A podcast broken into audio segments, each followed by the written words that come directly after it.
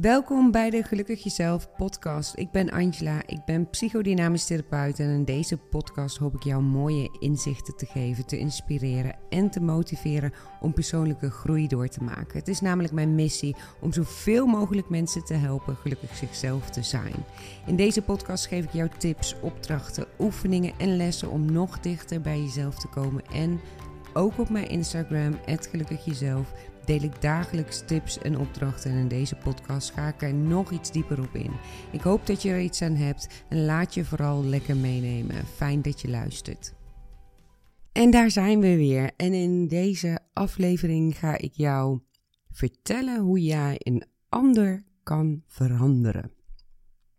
Nee, sorry, ik uh, ga je dat natuurlijk helemaal niet vertellen. En als je dat echt had gehoopt, dan uh, spijt het me dat, maar ik ga een hele aflevering aan wijden aan een ander veranderen. En ik ga je precies uitleggen wat jij ermee kan. Dus uh, blijf vooral uh, luisteren. Want de afgelopen jaren hoor ik vrijwel van iedere cliënt, iedere cursist, iedere luisteraar dat dat wat een ander doet ervoor zorgt dat iemand zich op een bepaalde manier voelt. En dat vaak dus eigenlijk de oplossing zou zijn dat een ander iets anders doet. Want dan hoef jij je niet zo te voelen. En daarover wil ik het met je hebben in deze aflevering. En zoals altijd wil ik eh, even starten met stilstaan. Jij mag weer even stilstaan, even intunen bij jezelf. En wees eens even heel eerlijk tegen jezelf. Hoe vaak verwacht jij iets van een ander? En hoe vaak geef jij eigenlijk de ander een soort van, tussen aanhalingstekens, de schuld van hoe jij je voelt? En laat de antwoorden gewoon weer in je opkomen zoals je dat gewend bent in de afleveringen, in mijn cursussen, in uh, alles wat je van mij hoort. Laat het gewoon even in je opkomen. Hoe vaak verwacht jij iets van een ander? En hoe vaak geef jij de ander eigenlijk een soort van de schuld van hoe jij je voelt? Want dat is waar ik uh, deze aflevering verder op inga. En ik denk dat je er ontzettend veel aan gaat hebben aan deze aflevering. En ik begin even met een voorbeeldje. Uh, laatst uh, vertelde een cliënt mij over een vriendin van haar. En die vriendin had iets niet gezegd of niet gedaan, wat ze eigenlijk wel verwachtte. En wat ze eigenlijk ook wel ja, een soort van normaal vond ehm, als die vriendin dat zou zeggen. En het voelde voor haar bijna als, nou, het is toch belachelijk dat die vriendin dat niet even heeft gezegd. En ze zei ook, dat is toch wel het minste wat ik mag verwachten. Ik denk dat dit voorbeeld op bijna iedereen wel een keer van toepassing is. Ik denk dat iedereen wel eens in dit gevoel zit van, nou, het is toch belachelijk, dat kan ik toch wel verwachten. Um, ze had toch wel even dit of hij had toch wel even zo kunnen doen of dit kunnen zeggen. En dat is precies waar het over gaat. Je verwacht iets. En ja, zeker weten, je mag iets verwachten. Je mag zeker iets verwachten van mensen. Je mag van iedereen iets verwachten, elke dag opnieuw. Maar de enige die je daar uiteindelijk elke keer weer opnieuw mee hebt, is jezelf. Je wordt namelijk vrijwel altijd teleurgesteld. Want één, iemand heeft geen idee wat jij verwacht. Twee, dit is een hele pittige, maar het is vrij egoïstisch. Als jij dus eigenlijk wil dat iemand anders reageert of doet zoals jij dat dus wil. Jij wil dus eigenlijk bepalen hoe een ander doet of zegt of praat of denkt. En drie, waarschijnlijk verwacht je het omdat je zelf zo bent, maar nog meer omdat je zelf een verlangen hebt.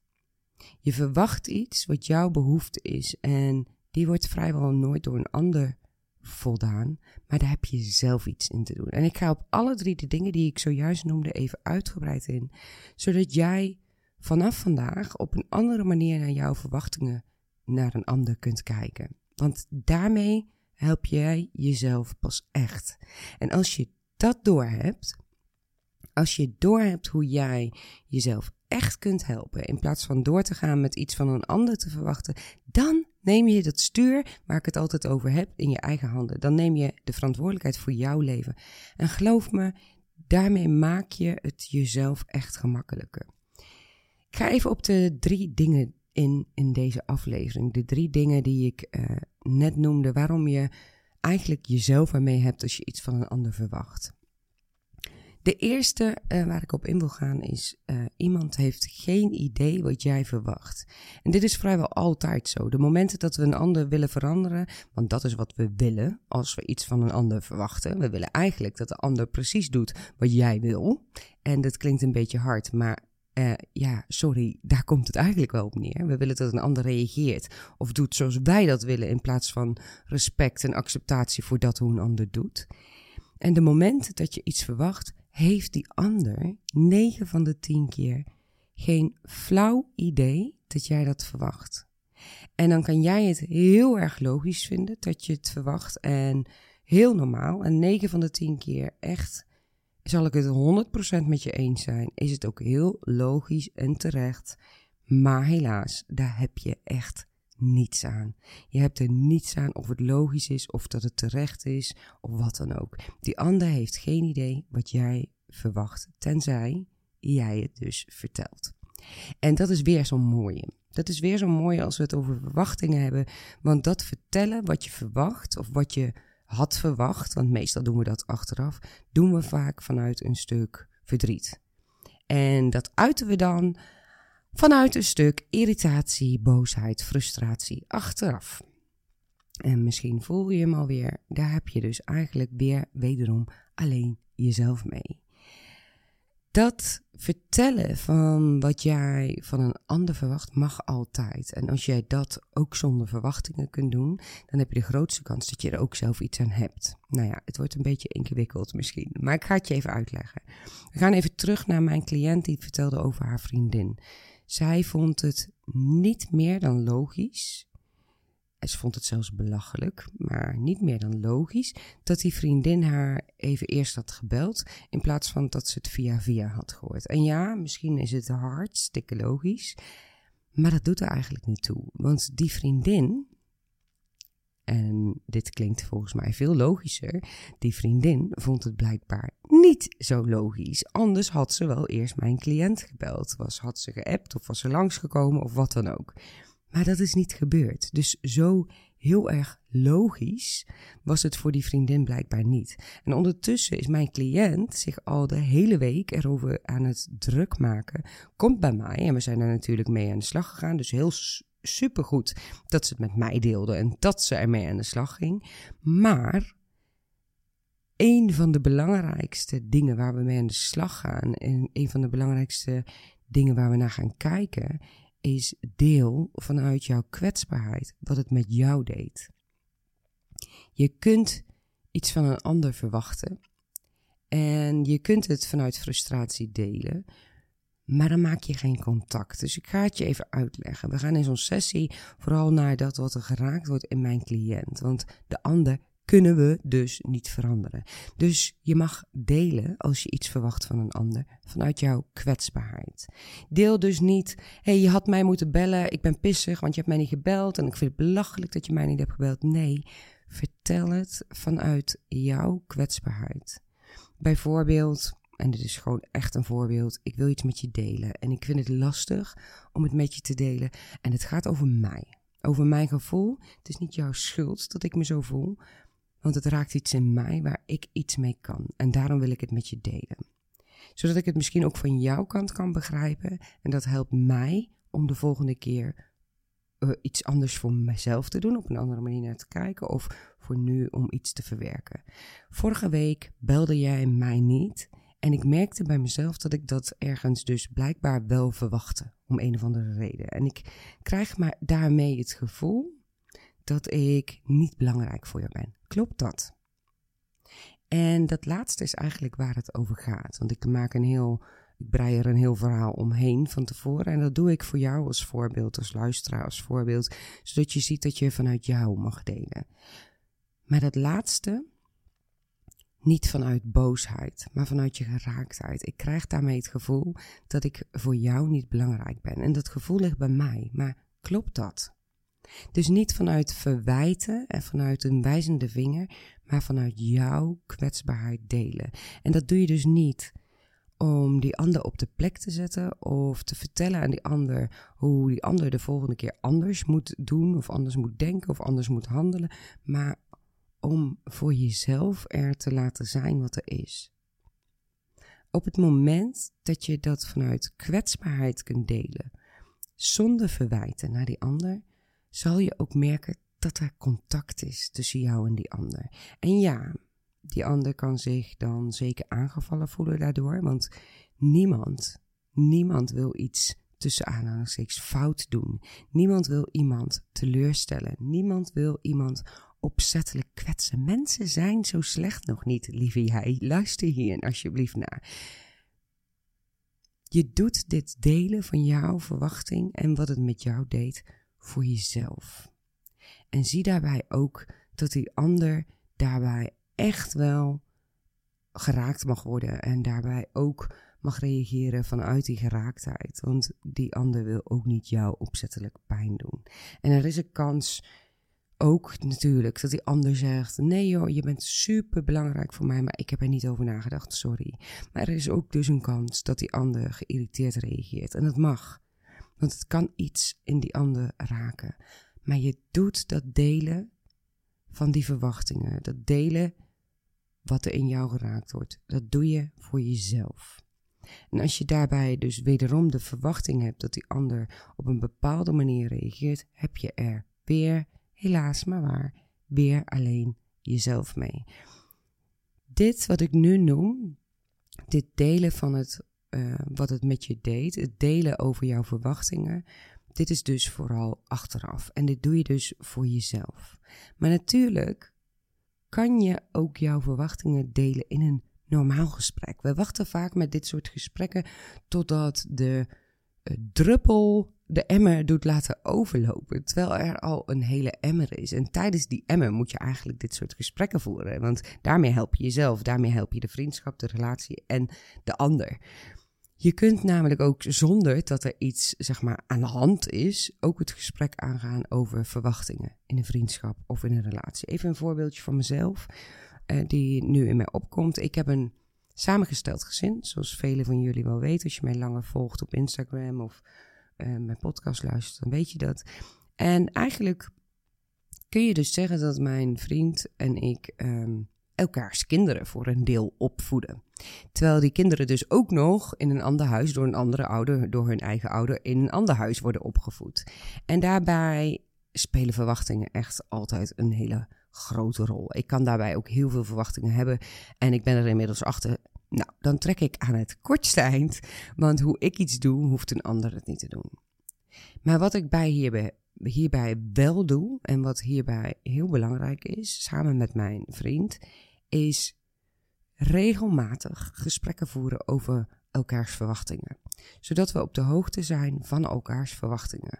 Bijvoorbeeld, um, even denken, um, nou ja, bijvoorbeeld dat ik tegen hem zeg: Ik zou het fijn vinden als um, jij jouw kinderen vandaag zelf naar school brengt, of vanaf nu altijd zelf naar school brengt, zodat ik ruimte en tijd heb om, weet ik veel, met de jongste iets te doen. Het zou mij enorm helpen als je zou willen helpen met opletten of. Um, uh, de een dooreet of de ander opruimt of wat, wat dan ook. Zodat ik dat niet alleen hoef te doen, want dat kost mij heel veel energie.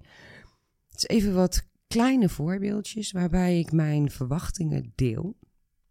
En ergens verwacht ik dat ook echt dat mijn vriend dat doet. Maar als ik dat niet uitspreek, dan weet hij dat niet. En hij is dus niet op dezelfde manier bezig met alles zoals ik daarmee bezig ben. Want hij is hij en ik ben ik. Dus dat geldt voor iedere relatie, iedere vriendschap, iedere uh, verbinding die je met een ander hebt. En nu hebben we dus een heel rustig, normaal gesprek op een heel normaal moment over.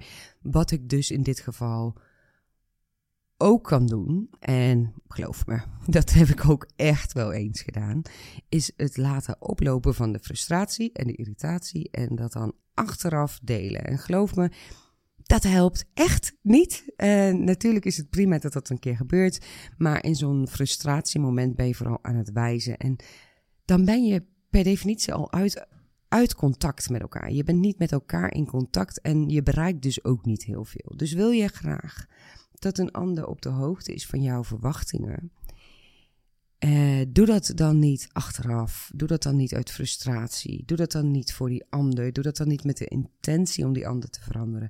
Maar ga dat gesprek gewoon aan. En doe dat niet op een moment dat je volop in frustratie zit. Maar op het moment dat je bij jezelf hebt gevoeld: hé, hey, wat raakt mij zo? En wat kan en mag ik hierover delen? Zodat die ander weet wat het met me doet en er misschien wel iets mee kan. En misschien ook niet, maar dat die ander in ieder geval weet wat het bij mij doet op zo'n moment en wat voor mij fijn zou zijn. En daarmee kom ik eigenlijk op het uh, tweede punt. En uh, dit is, uh, ik zei het straks al, een pittige en best wel harde. Um, maar voor mij ook wel echt de waarheid. Want het is vrij egoïstisch. En in de basis wil niemand egoïstisch zijn, maar het is vrij egoïstisch als jij dus eigenlijk wil dat iemand reageert of doet zoals jij dat wil. Want als jij verwachtingen deelt met een ander en je kan dat niet puur vanuit jezelf delen en verwacht stiekem diep van binnen nog steeds dat die ander dan helemaal aan jouw verwachtingen gaat voldoen, wil je dus eigenlijk dat die ander zich aanpast aan jou en doet wat jij wil. Denk daar eens over na. Dat is best egoïstisch, toch? En hoe hard dat ook klinkt, maar jij wil dus eigenlijk bepalen dat die ander op een bepaalde manier reageert of doet. En helaas maar waar, maar daar heb jij niets aan te willen. Iedereen mag leven, doen, reageren, denken wat hij of zij zelf wil. En daar mag en kan jij echt van alles van vinden maar dat komt omdat er iets in jou wordt geraakt. En dan kan jij de ander, spreek eh, tussen aanhalingstekens, de schuld geven dat de ander niet aan jouw verwachtingen voldoen, uh, heeft voldaan. En dat jij daarin dus last daar nu van hebt, want die ander heeft iets niet goed gedaan. Maar je kunt ook liefdevol naar jezelf zijn en naar jezelf kijken wat er in jou geheeld mag worden. Zodat jij deze verwachtingen los mag laten.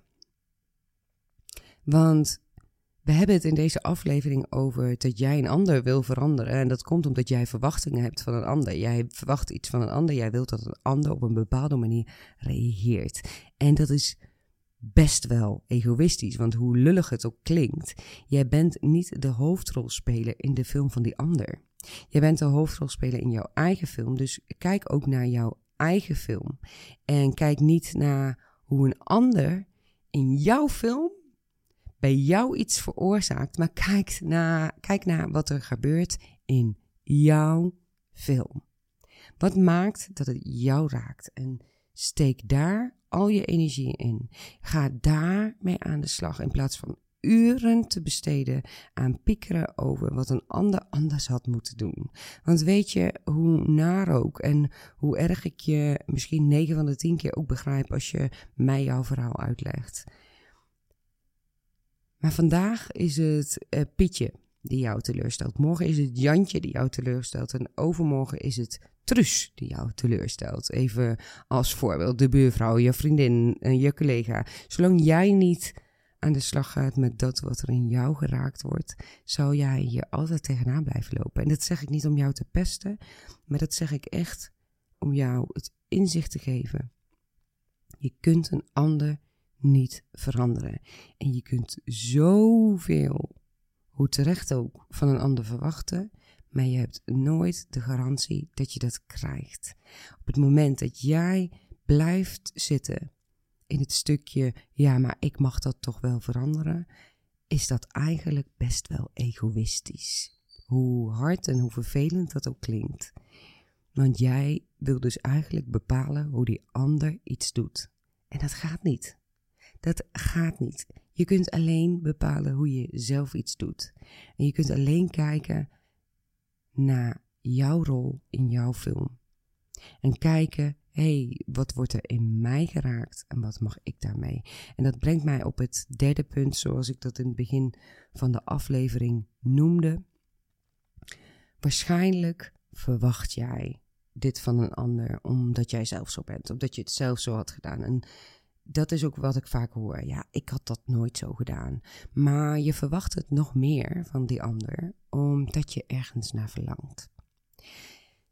Jij doet dat namelijk zelf dat wat jij verwacht van die ander, dat doe jij zelf naar een ander, omdat jij dat belangrijk vindt. Jij vindt het dus belangrijk om een ander op de hoogte te brengen, of om er voor een ander te zijn, of om dat belletje te plegen, of om die interesse te tonen, omdat jij dat belangrijk vindt. En vaak ook doe je dat omdat je zelf dit mist, omdat jij je behoefte aan hebt dat een ander dat bij jou doet.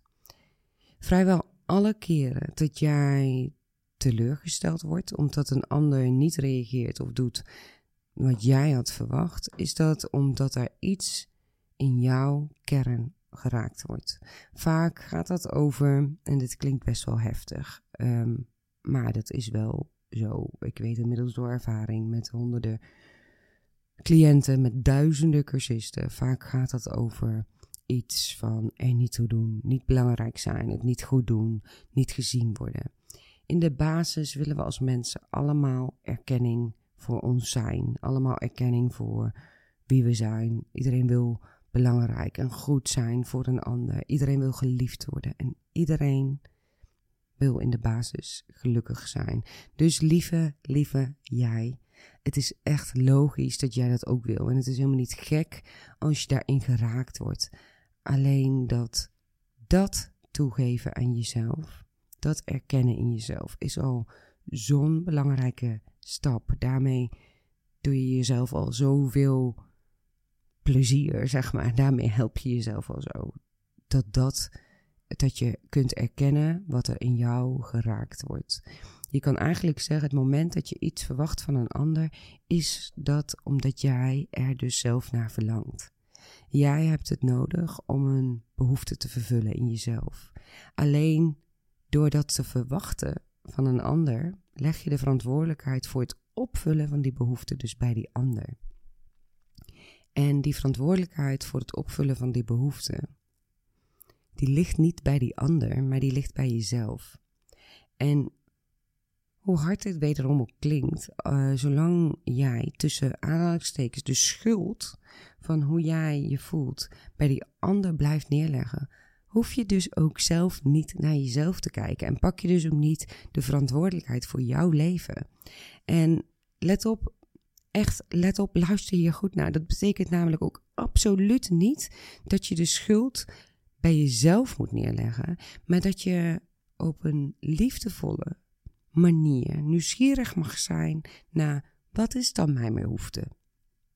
Wat maakt dan dat het mij zo raakt dat deze verwachting niet wordt, uh, ja, niet uitkomt, dat daar niet aan voldaan wordt? Waar verlang ik eigenlijk naar?